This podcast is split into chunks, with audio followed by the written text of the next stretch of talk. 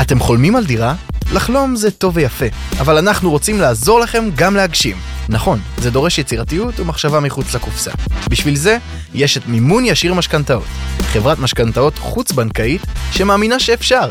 אפשר לחשוב על לקנות דירה למגורים או להשקעה.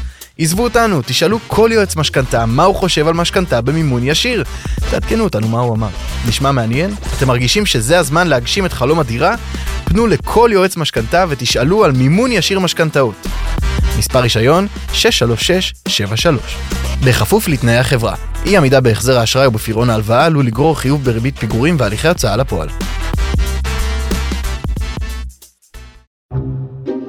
60 שניות בכלכלה, זה לא... זה גם כל כך פשוט, שאתה יכול לשאול איך אנשים אצלנו מדברים על הדבר הזה בלי לדעת. We believe in the importance of fundamentals in our economy. In a few minutes, I'll ring the bell so trading can begin. And, uh, השור והדוב עם גת מגידו מבית אול אין, הבית של הפודקאסטים. טוב, אז אה, הפסקנו את הפרק הקודם אה, והראשון ברגע מותח וקריטי בשיחה עם חנן שטיינהרט על ההיסטוריה של הכסף. ועברנו דרך ניתוק בסיס הכסף מהזהב, דיברנו על שנות ה-80, והגענו עד אה, 2001, לאותו עידן חדש שמאפיין את העולם כמו שרובנו מכירים אותו היום, ובעצם ב-20 שנים האחרונות.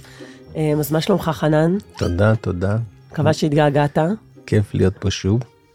אה, אז עצרנו ברגע קריטי, בעצם במשבר הדוט-קום, לא ב-2001, זה מתחיל ב-98.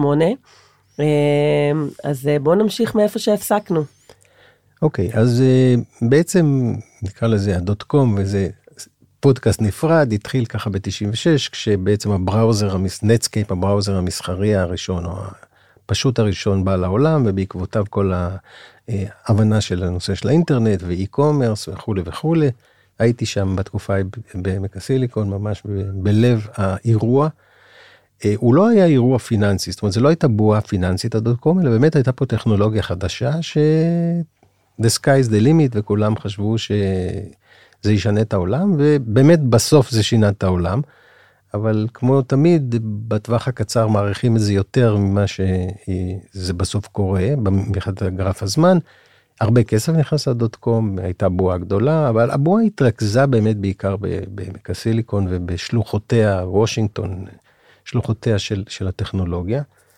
אמ, שוק המניות הנסדק פרח וצמח עד אה, 5,050 משהו כזה במרץ אה, 2000 ואחר כך כמו בהרבה בועות האוויר התחיל לצאת והיה משבר הדוט קום אבל משבר הדוט קום הוא, הוא בסוף משבר אזורי זאת אומרת הוא בטכנולוגיה בשווקי ההון אבל הוא לא באמת פגע עמוקות באמריקה.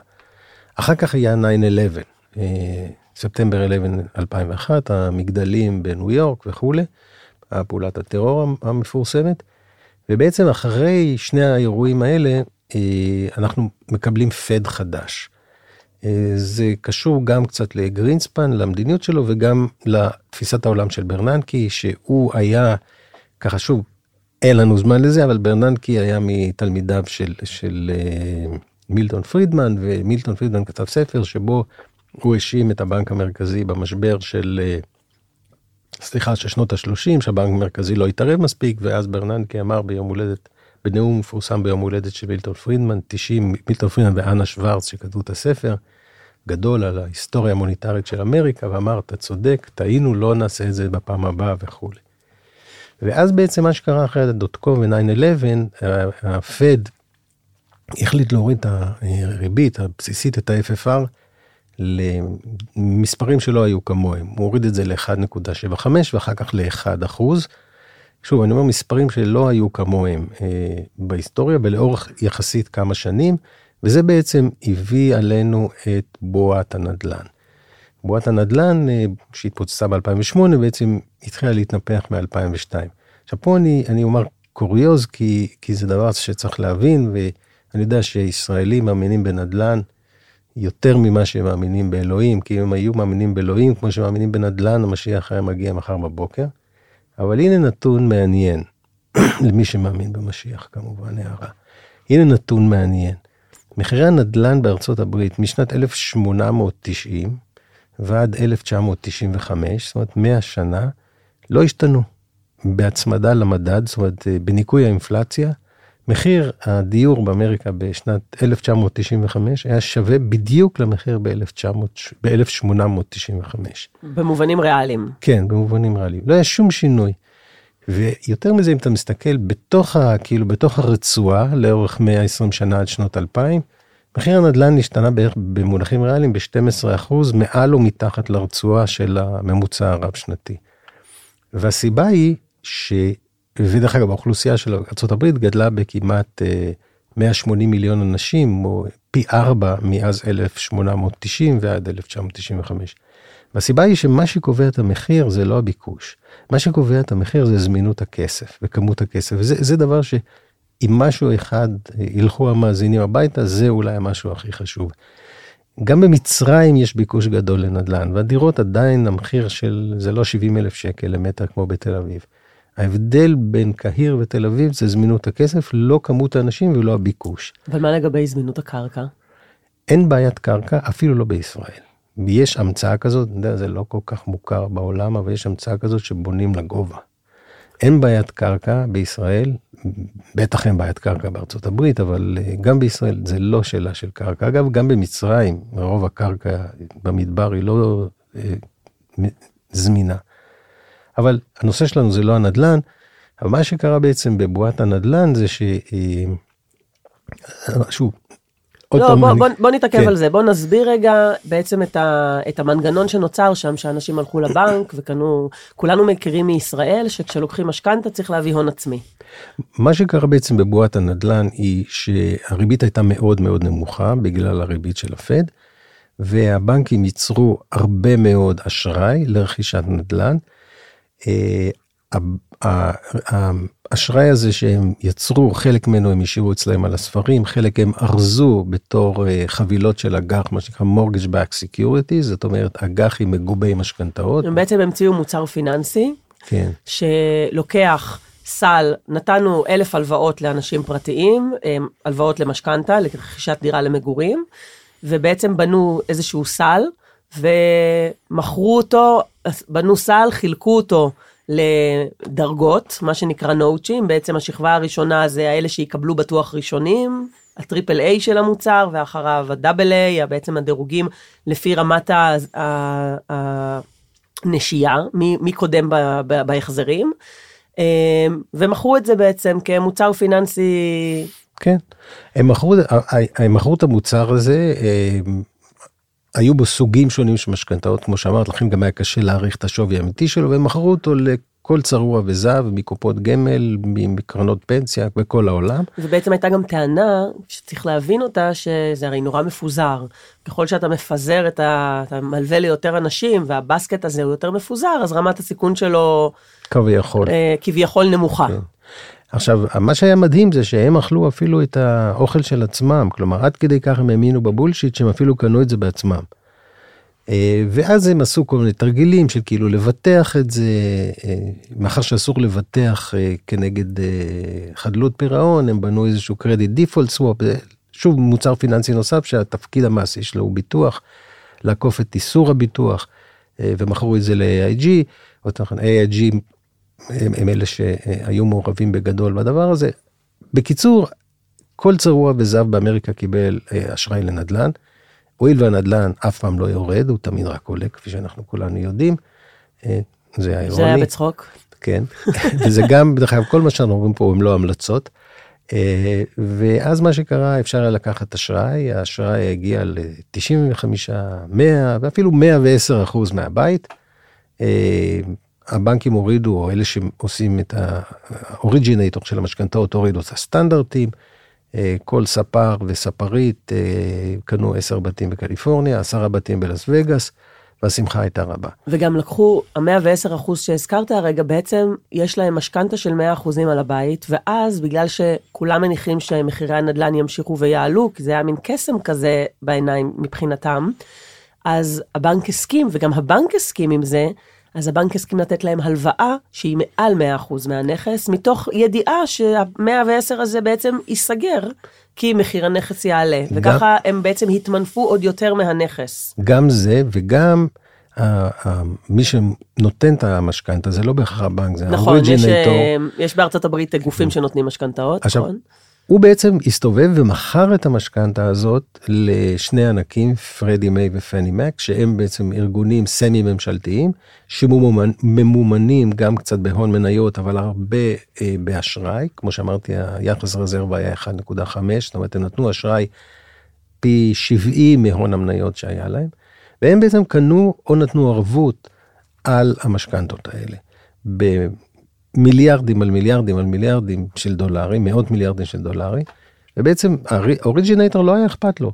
זו המערכת שהיה בה סאב פריים, כלומר לווים גרועים, רמאויות, נוכלויות, 110 אחוז אשראי, הכל. ואגב, אני חושבת שאולי צריך להגיד, כי אנחנו קצת הרמנו פה את הרף של השיחה, שבעצם כשהבנקים הלכו וייצרו את הנכס, נתנו את הגופים הרלוונטיים שנותנים משכנתאות בארצות הברית, נתנו משכנתאות, ופני מיי ופרדי אה, אה, אה, נתנו את הביטוח, את ה, אה, בעצם אה, את הערבות על זה, בעצם כל הסיפור הזה של לייצר את אותו מוצר פיננסי, מה שנקרא לאגח את המשכנתאות באיזשהו בסקט ואז למכור אותו, רק שנבין למה הם עשו את זה, הם בעצם, הם אגרו אצלם משכנתאות, שזה סיכון של לתת אשראי, הם בעצם מכרו אותו לידיים פרטיות, כדי להוריד אותו מה, מה, שלהם. מהמאזנים שלהם.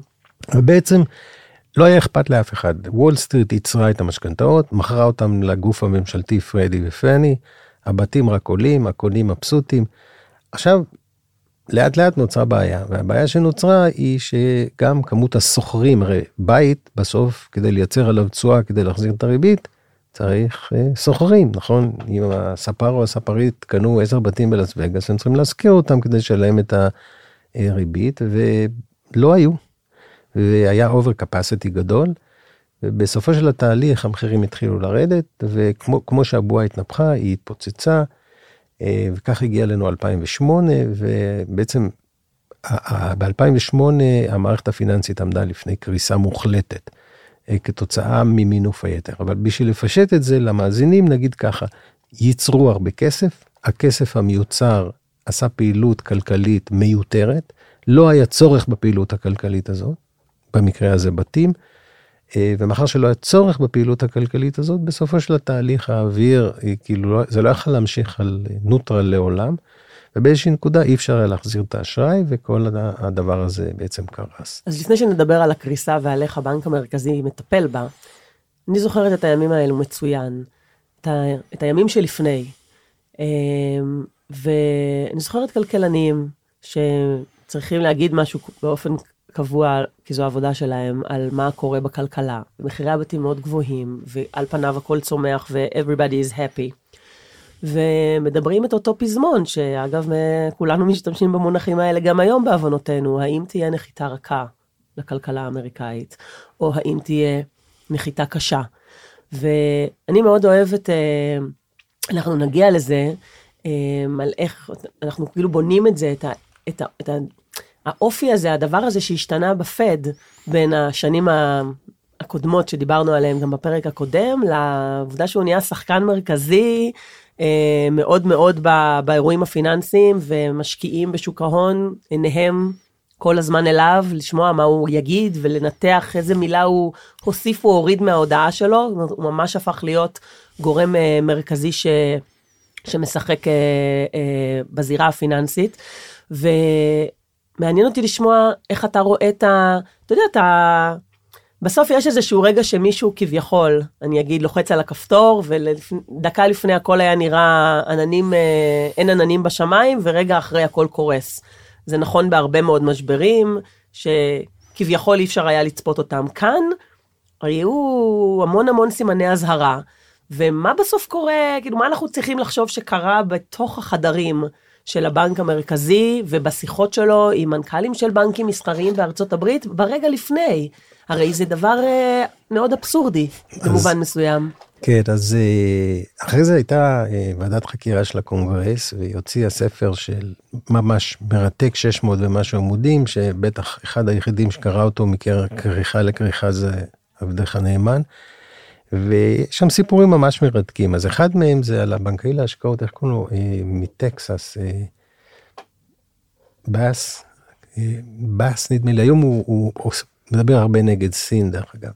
והוא מספר, הוא עשה שורטים ענקיים על זה, הוא מספר ש, אה, שהוא הלך, קבע פגישה בפדרל רזרב, והלך אליהם ואמר להם, תראו, זה בועה שתהרוס את כולנו. והפד התחיל להסביר לו, אה, לא, השכר עולה, אמר לו, לא, זה הפוך, כאילו, בגלל הבועה השכר עולה, לא בגלל שהשכר עולה אפשר לממן את האשראי הזה. הוא אומר, בסוף הוא התייאש, והוא אומר, שמע, זנב מקשקש את הכלב, ואי אפשר לדבר איתם. היו הרבה אזהרות, באחד מהכינוסים בג'קסון, אה, היה עוד אחד שתיאר שבאחד הכינוסים בג'קסון הוא עלה ודיבר, ו, ומישהו שוב מהעולם הזה, ואמר פה, אה, דברים נוראים קורים פה, וממש הבנק המרכזי, אה, נדמה לי שזה היה ברננקי, אחרי זה דיבר בחריפות עליו, הוא לא מבין, הוא בוגד, הוא... תראי, אנשים, את יודעת למה אנשים מאמינים? יש לזה סיבה אחת, כי הם רוצים להאמין. וכולם עשו כסף, וכולם הרוויחו כסף, ו... ו... הם גם בפוזיציה. ו... עמוק. עמוק מאוד. עמוק, גם, כמו היום, כמו היום, אין שום הבדל. ואנשים אה, לא יודעים את העתיד, כמובן, כמו שאמרו שמאוד קשה להתנבא, בעיקר בקשר לעתיד. ו... ואולי, וככה, ושמאלה וימינה.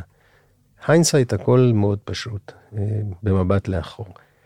אה, ואז זה התחיל לאט לאט להידרדר. יש שם גם תיאור אה, מאוד מעניין, שהוא, מהדוח הזה שהוא מספר, אחד הקבלנים בשטח, הוא אומר שממש יום אחד הגעתי לבייקרספילד, ולפני זה היה שם פעילות וזה, הגעתי, אף אחד לא הגיע. הלכתי לשכן שלי, הקבלן, אמרתי לו, מה קורה פה? פתאום אף אחד לא מגיע, הוא אומר לי, זה נגמר.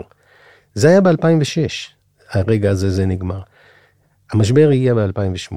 זה לאט לאט התפתח. אחרי זה היו ברנס, בר סטרנס, שני הקרנות שלו שעסקו ב, בעולם הזה קרסו. ולאט לאט התהליך הלך והתעצם, כי זה דרכו של, דרכם של התהליכים האלה. הם בהתחלה קורים לאט לאט ולא מרגישים, ואז הם מתחילים לקבל מומנטום, וכשהם מקבלים מומנטום זה מאוחר מדי כבר לצאת. אה, זהו, ואז לימן בראדרס קרסו, ואחר כך עוד בנק ועוד בנק ועוד בנק. ובעצם הרגע הזה שבו הפד מבין שיש אה, חשש אמיתי למערכת הפיננסית כולה, ליציבות שלה, לקיום שלה, שבנקים פושטים רגל. כן, ואז מה שקרה בעצם, אה, היה אפילו סיפור ידוע על סנטור אחד שצלצל לאשתו ואמר לה, לכי לכספומט ותוציאי כמה מזומן שאת יכולה, כי ביום שני לא יהיה כסף בכספומטים. גם הממשל וגם uh, הפד הבינו שיש פה בעיית אמת, ועשו חקיקת חירום מאוד מאוד דחופה, ובעצם מה שקרה uh, זה שהפד uh, לקח 1.5 טריליון דולר, שהדפיס וקנה את, ה... את הנכסים הרעילים. ובעצם בזה הפד עלה מדרגה מ... אחרי 2001, השלב הראשון שבו עושה מניפולציה בשער הריבית כמובן לא הייתה, עכשיו הוא עובר להדפסה ישירה של כסף. ולהצלת, ו... ה... לקנות את הטעויות שלהם. לקנות את הטעויות. אה, בלי בכלל, דרך אגב, זה היה ללא הגבלה וללא אפליה. כלומר, לא אמרו זה כן, זה לא, זה כן, זה לא. פשוט קנו הכל. קנו הכל, ואפילו, דרך אגב, היו בנקים שלא רצו למכור וגם הכריחו אותם. זה הפעם הראשונה שהפד נכנס לביזנס של הדפסת כסף. עכשיו אני ככה נסביר מילה אחת, אה, מה זה המאזן של הפד, כי זה יחזור. לפדרל רזרב יש מאזן, אה, זכר לימים שהיה זהב, היו לו התחייבויות וזכויות. שוב, היסטורית, ההיסטוריה בקטע הזה היא לא כל כך קריטית, אבל לפד יש מאזן, ובמאזן יש את סך הכל הנכסים שיש לפד. אז לכאורה כאשר הפד מדפיס כסף, והפד מדפיס כסף מהאוויר בלחיצת כפתור, כאשר הפד מדפיס כסף וקונה את המשכנתאות האלה, את ה-mortgage back securities, את הנכסים הרעילים האלה מהבנקים שמחזיקים בהם או מהגופים הפיננסיים שמחזיקים, במאזן שלו יש אה, זכות ו- וחובה, אבל הזכות במאזן זה כל אותם mortgage back securities. הנכסים זה מה שהוא קנה. מה שהוא קנה. הרעיל, מה שאנחנו קוראים נכסים רעילים. כן. אז בעצם המאזן של הפד כשנכנסים למשבר של 2008 הוא עומד על בערך 780, נעגל את זה, 800 מיליארד דולר, רק לתת פרופורציה, בין 2000 ל-2008 בסך הכל המאזן של הפד גדל ב-200 מיליארד, כלומר הפד כמעט לא, היה, לא עסק בפעילות הזאת קודם. ואז הפד בעצם מעביר אה, מה שנקרא לימים הרחבה כמותית או quantitative easing, אה, אחד, עוד לא קראו לזה אחד, כי לא ידעו ידעו שיבוא שתיים ושלוש. אבל לימים קוראים לזה quantitative easing אחד, והפד בעצם אה, קונה אה, מיליארד וחצי דולר של אה, משכנתאות רעילות, ועוד בערך 500 מיליון, מיליארד דולר, אחד וחצי טריליון דולר של משכנתאות רעילות, ועוד בערך אה, אה, 500 מיליארד דולר של אג"חים ממשלתיים. זאת אומרת, הוא בעצם מממן את הגירעון של הממשלה. אה, זה האירוע הראשון, ועוד נגיד שאפשר להצדיק אותו, כי הוא באמת הביא את החרבון של 2008, הפד אחראי לזה לא לבד, אבל הוא השחקן הראשי שאחראי. אבל בסדר, עשיתי טעות, אז מה, אז עכשיו ניתן לעולם להיהרס? אז עכשיו הוא, אוקיי, הדפיס והציל.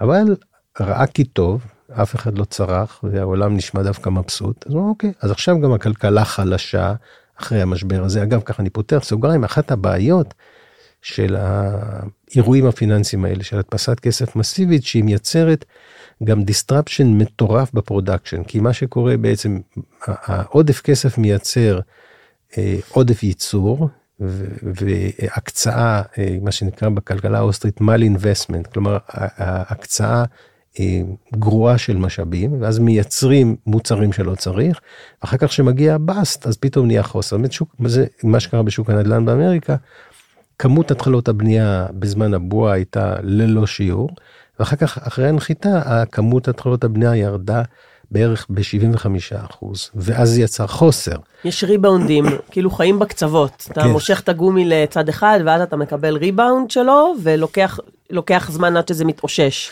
אבל, אבל יש לזה השפעות קשות על מערך הייצור, כי לא ביום אחד אתה בונה capacity, אז מה שקורה, ייצרו 2 מיליון בתים בשיא, ואחר כך ירדו לייצר 500 אלף בשפל. זה לא רק גורם לבעיות של תעסוקה, אבל אחר כך כשאתה רוצה לחזור לייצר מיליון של מה שצריך, פתאום אין לך את המערכת. כן. אבל זה, זה מה שנקרא בכלכלה, כאילו אוסטרית מייל אינבסטמנט, והקצאה לא נכונה של משאבים, שזה חלק מהבעיות של בועות אשראי. שאגב, אה, אפשר גם אה, ל- ל- לתת את הדוגמה על חברה עסקית, שכשיש הרבה כסף והוא זול והכל טוב, אז היא תעסיק עוד עובדים, ורק תהיה לה מחלקת גיוס של עשרות עובדים שעסוקים בלגייס עובדים, ופתאום כשהברז נסגר והמטבע מתהפכת, אז... אה, אז, אז, אז, אז זה עובד לכיוון השני, ופתאום עושים התייעלויות, נראה פתאום שיש המון המון שמנת, כן. סליחה, והמון עודף, אה, וה, וה, והמערכת לא באמת הייתה יעילה. זה אותו אפקט. כן.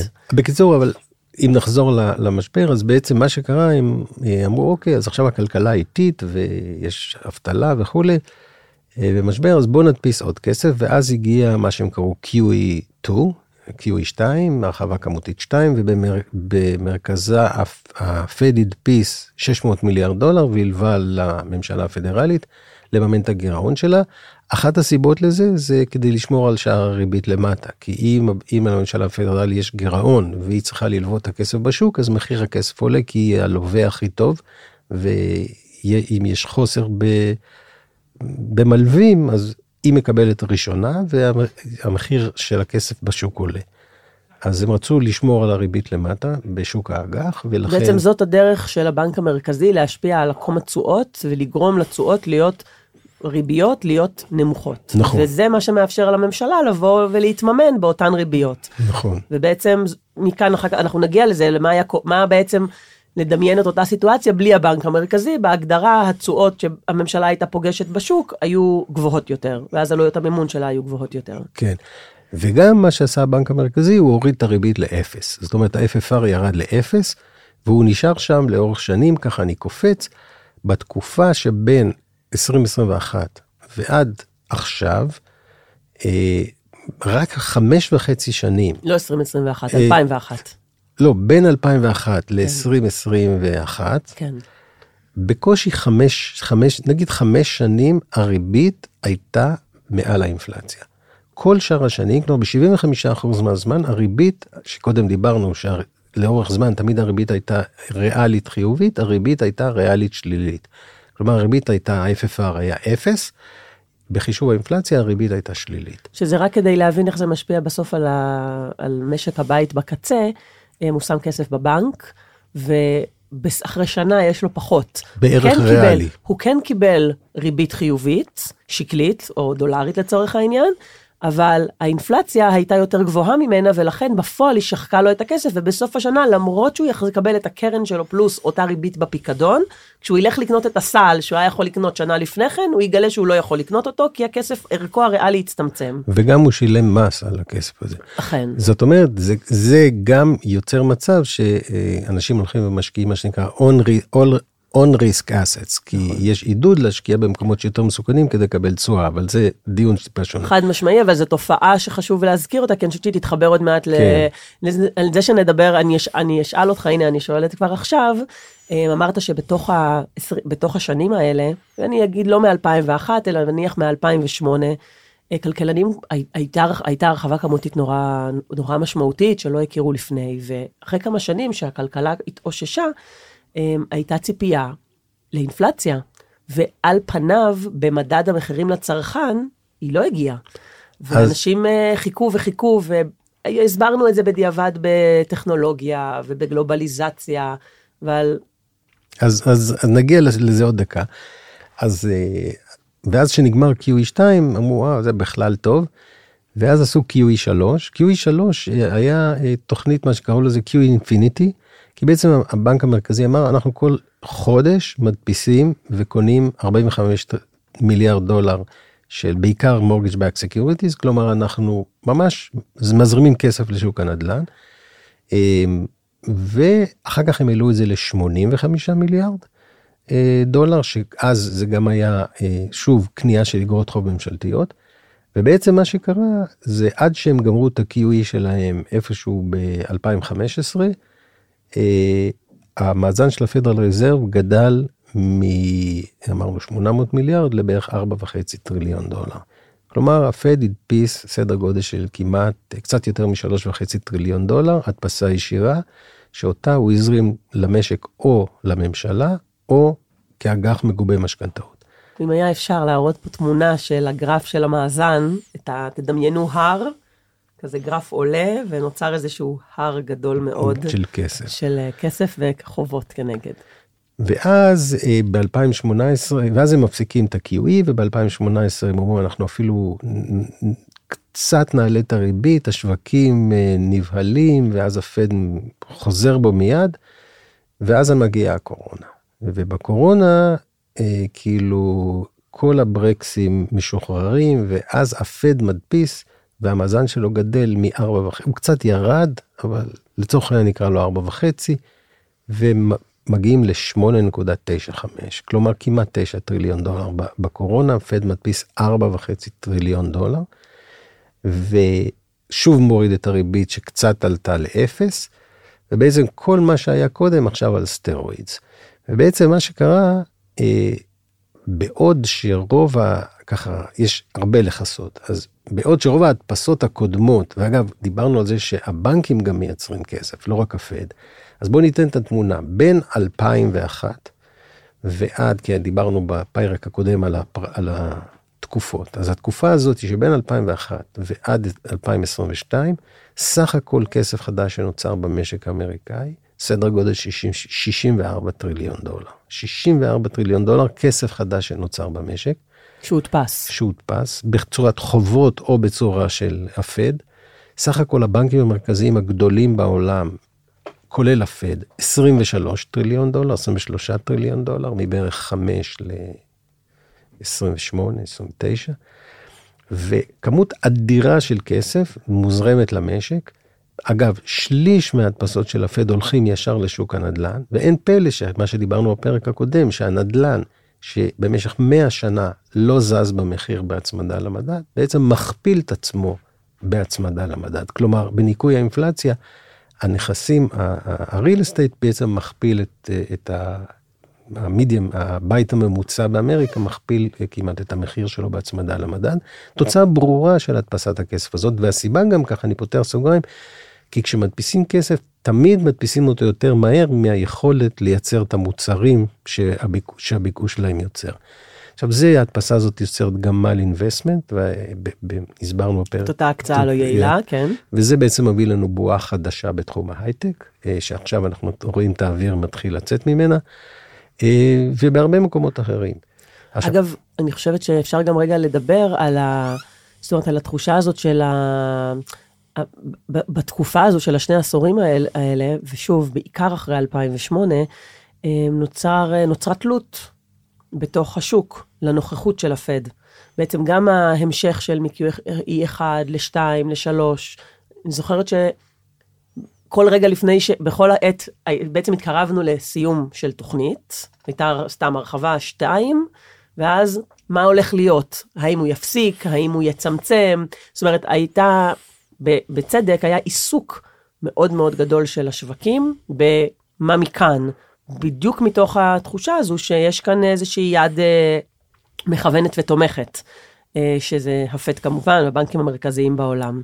וב-2018, כשהפד אה, בעצם עסק בלה, בלהעלות את הריבית, עשה ניסיון, אה, ראינו את התגובה של השוק, וזה מאוד מעניין, אני מאוד אוהבת להסתכל על איך השוק, על ה, כאילו הדיאלוג הזה שמתקיים בין, ה, בין המשקיעים לבין, אה, אה, לבין הפד, ומתי הוא מוביל ומתי הם מובילים. ואיפשהו ב-2018, ברבעון האחרון, כשראינו קראש יחסית חזק של המדדים המרכזיים המנייתיים כמובן, מתוך איזה מסר של המשקיעים לפד, תעצור, אתה מרים את הריבית יותר מדי, ובפועל אה, עצר. לגמרי. שם הוא איבד את האמינות שלו לגמרי, את המעט שנשאר. אבל האמת שאין היום שוק הון, ואין היום כלכלה. יש היום רק שחקן אחד, שזה מה שמאפיין את העשורים האלה, זה הפד. מה שהוא עושה, מה שהוא אומר, זה מה שמכריע, זה מה שקורה. בכלכלה, במחירי הדירות בפתח תקווה, במגדלי ההייטק בהרצליה, באמריקה, ברצותו ירחיב וברצותו יצמצם. שוק הון, אין שוק הון כשאין קפיטל, הון זה קפיטל, כשאין קפיטל אמיתי. אין היום שוק הון. יש היום מה אמר הפד, מה לא אמר הפד. ידפיס, לא ידפיס. זהו. זה לא, את ציינת, אני חושב שזה בשיחה הקודמת, שהפד הפך להיות גורם מרכזי. אני בכבוד אה, לא מסכים. הוא לא הפך להיות הגורם המרכזי, הוא הפך להיות הגורם היחידי.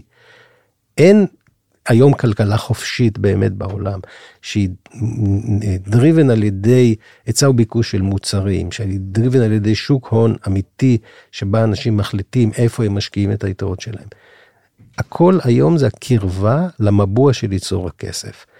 וככל שאתה יותר קרוב, קוראים לזה Cantillon effect, ככל שאתה יותר קרוב לנקודת המבוע של הכסף, מצבך יותר טוב, וככל שאתה יותר מרוחק, מצבך יותר גרוע.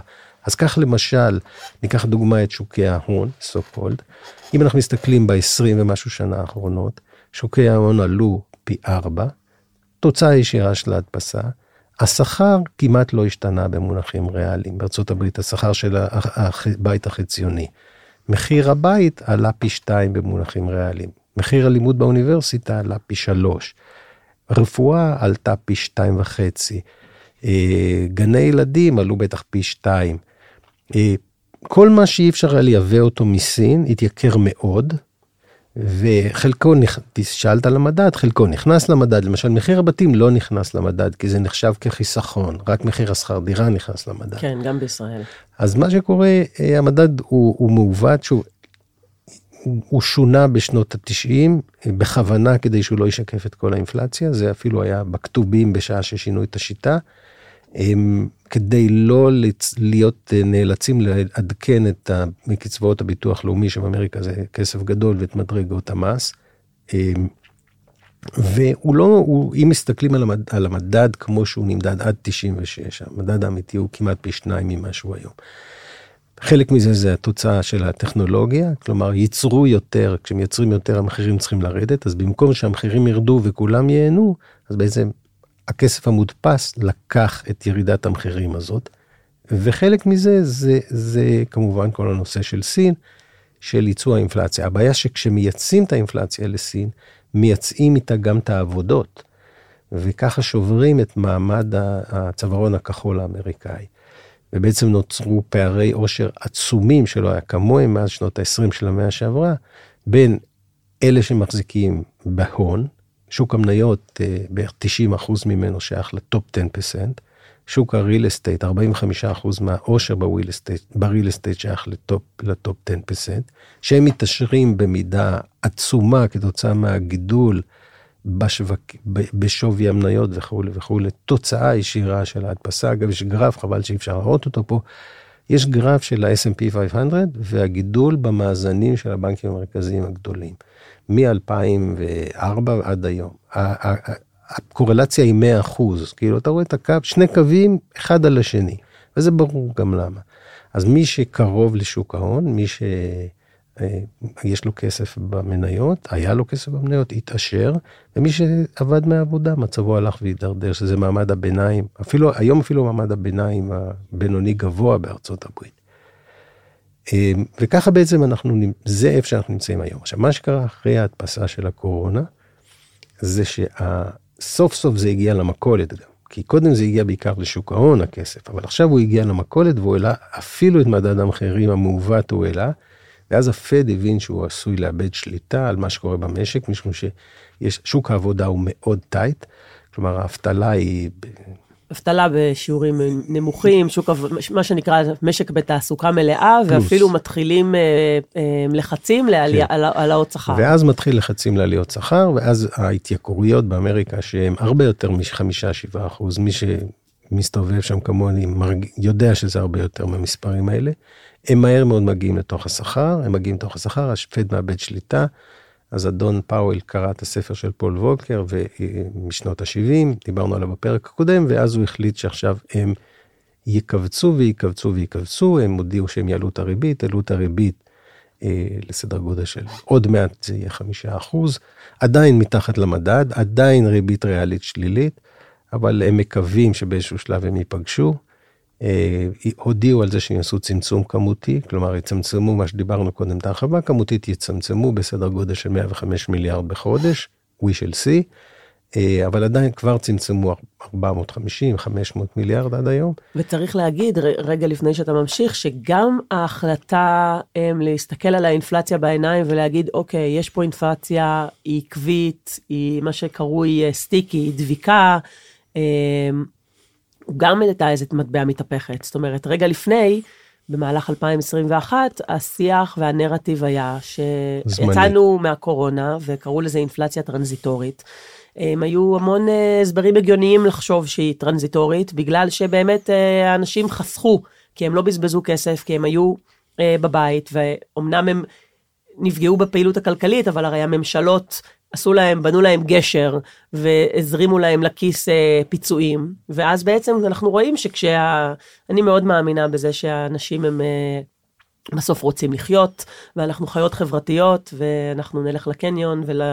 וניסע לחופש, וראינו בום מאוד מאוד גדול של ביקושים, ובעצם הטענה הייתה שאוקיי, זה אנשים מקדימים את הביקושים, הם עכשיו ייסעו לשתי, לשתי חופשות, הם, משהו שהם היו עושים בשנתיים הקרובות, הם לא עשו שנתיים, הם עכשיו יעשו את זה עכשיו, והם ילכו והם יקנו וכולי, ופיצצו את המסעדות, והכל היה נראה פה מאוד מאוד אה, אה, חם וחזק, אה, אבל יש פה עוד הסברים על משבר האנרגיה, ואחר כך הצטרפה מלחמת אה, רוסיה-אוקראינה אה, לתוך הסיפור, שגרמה לזה שבעצם הפד הסתכל ואמר, אוקיי, אה, אני חושבת ש...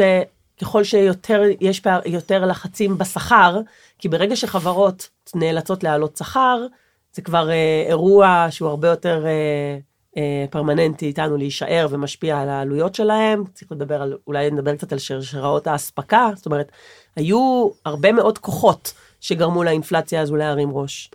אני לא. בטוחה אגב שאתה מסכים איתי, כי אני יודעת שהדעה שלך זה שזה הכל בסוף על, הכס, על כמות הכסף ועל כמה לא, לא הדפיסו, לא, אבל... אין ספק ש, שנגיד אה, השיבושים בשרשרות האספקה שגרמה לירידה בהיצע, היא אותו דבר, היא פשוט מגדילה את היחס בין כמות הכסף לכמות המוצרים. ומאטה בדיוק... את הקצב שבו אפשר לספק אותם. כן, אנחנו... זה, זה, זה, ו... זה אותו תהליך בעצם, כאילו המחיר הוא יחס בין השניים.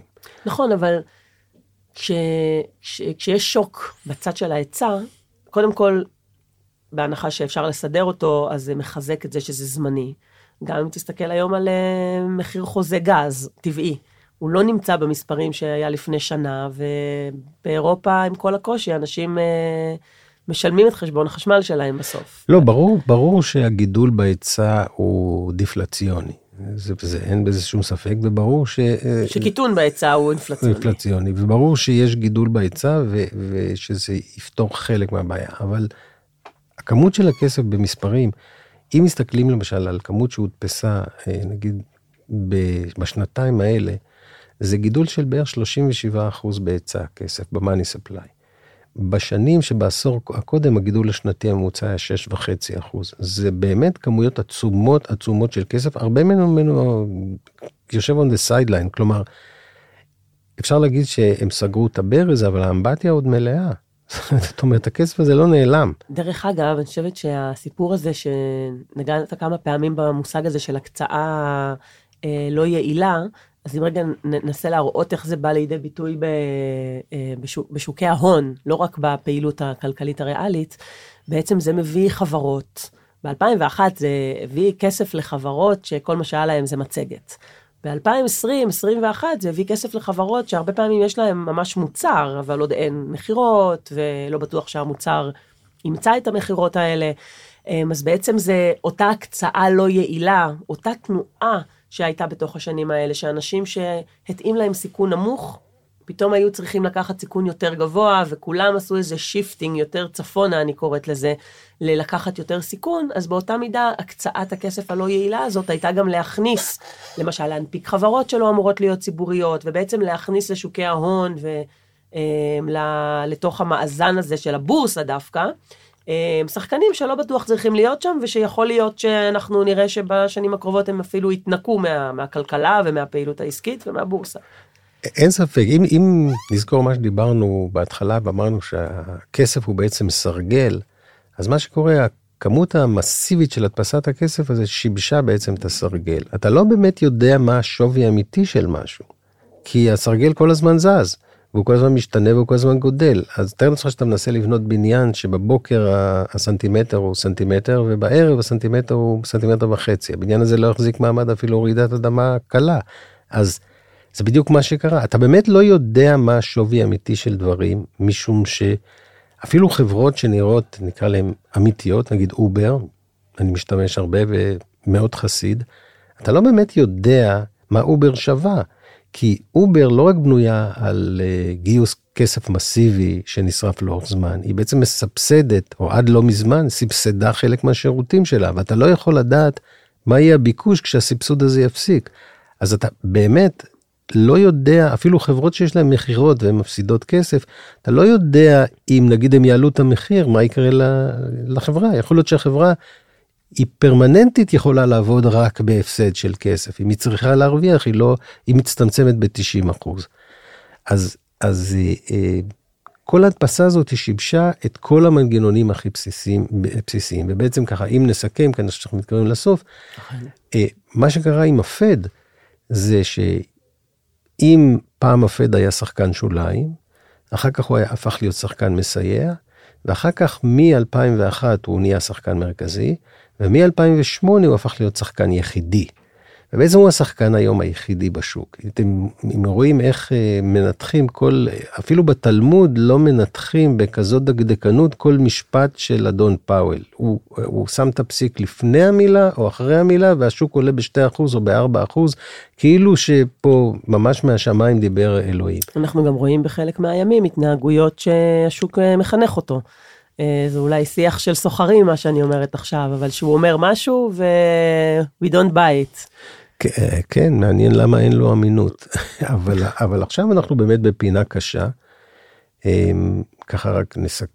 אני אסיים. ננסה לסכם. לסכם. כן. אנחנו בפינה קשה, ולהערכתי מה שהפד מקווה להשיג הוא אה, מהר וחזק. כלומר, שבמשך השנה וחצי הבאות, אנחנו פה מקליטים בפברואר, תחילת פברואר 23, אה, שבמשך השנה וחצי הקרובות, אולי שנתיים, יהיה מיתון. התעסוקה, כאילו, אנחנו נעלה ל-6% אבטלה, 6.5%. האינפלציה תרד חזרה לאזור ה-2, 2.5. המשק יתקרר, השווקים, so called הפיננסים, ירדו ב-50% מהשיא, ובעצם בלי שמשהו בסיסי יישבר, ואז אפשר יהיה להתחיל אה, אה, גל חדש, כי בסוף, לאורך זמן, המשק לא יכול לעמוד בריביות אה, אמיתיות. אה, אה, פשוט הגודל של החוב הוא כל כך גבוה, שהוא יכול להיות ממומן רק מחוב חדש. ונטל הריבית לא יכול על, על המשק להיות אה, אמיתי, פשוט הגענו רחוק מדי בתוך הפונזי סקים הזה. ולפד יש עוד אוויר רק אם הוא יצליח להוריד את הכל באגרסיביות ובמהירות בלי שמשהו יישבר כמו שקרה באנגליה ושהוא גיגור את החוב שם שמשהו נשבר. שבלי שמשהו בסיסי יישבר בשביל זה הוא צריך מיתון חזק ומהיר ואני מעריך שהוא ישיג את זה אני חושב שהרבה דברים כבר בקנה, רק עוד לא רואים אותם במספרים. אגב, כשאת אומרת שוק, שוק אגרות החוב אגב כן מאמין לפד. שוק אגרות החוב, המניות נכון. לא מאמין לפד, נכון, שזה נכון. גם... אה, שוק אגרות החוב אה, בעצם... אה, מה, היא בא... בעצם מגלם uh, את אותה האטה חריפה לכל, לכל הפחות, כן. וציפיות לה, להורדת ריבית, והפד יוריד את, יגיע, מחכים למה שנקרא הפיבוט, מתי הוא ישנה את התקליט ויחזור להוריד ריבית, ובעצם צריך להבין שהורדת הריבית הזאת תגיע רק אם יהיו נתונים רעים שמעידים על האטה חריפה, כי אני חושבת שהדבר הכי חשוב כאן זה לנסות לדמיין אותו עומד מול אה, כמו מכשיר רדיו עם uh, כפתורים עגולים כאלה שמסתובבים ומנסה למצוא את, ה, את הבלנסינג הנכון, ובגלל שהפעולות של ריבית הן פעולות מיידיות, בוודאי כשאתה מעלה את הריבית כל כך מהר בתקופה יחסית קצרה, אתה לא באותו רגע רואה את התוצאה. כן, בדיוק. כי אם דיברנו על אותו, על מהלכים בשוק העבודה, ועד שחברות מתייעלות ומפטרות, תהליכים ארוכים בכלל, העולם האמיתי הוא עולם של התנהלות והוא לוקח זמן, וללחוץ על האצבע ולהעלות ריבית לוקח אה, רגע וחצי, ולכן הפער הזה גורם לאורך שנים בעצם לזה שבנקים מרכזיים לא מצליחים לדעת בדיוק איפה הנקודה המושלמת כדי להחליק את האירוע, ולכן אנחנו רואים את אותן uh, תקופות של mm. עליות חדות, כי הריבית כאילו so called נמוכה מדי, יש יותר מדי היצע, ואחר כך uh, לוקחים, מושכים, לוקחים את המושכות אחורה, מרימים אמברקס, ועושים את זה לפעמים חזק מדי. ולפחות לפי ההיסטוריה, עוד לא היו פעמים שהם דייקו על הנקודה. כן, ואני גם לא חושב שהפעם, אני חושב שאם יהיה לנו מזל הם יצליחו, כלומר הם יביאו מיתון חזק, חריף ומהיר, אה, הם, הם יביאו לשוקי ההון לרדת בחריפות, הם יביאו לאשליה, כאילו לתחושת העושר להתכווץ, הם יעלו את האבטלה והם יעצרו את האינפלציה, ואז יהיה להם סיבוב חדש.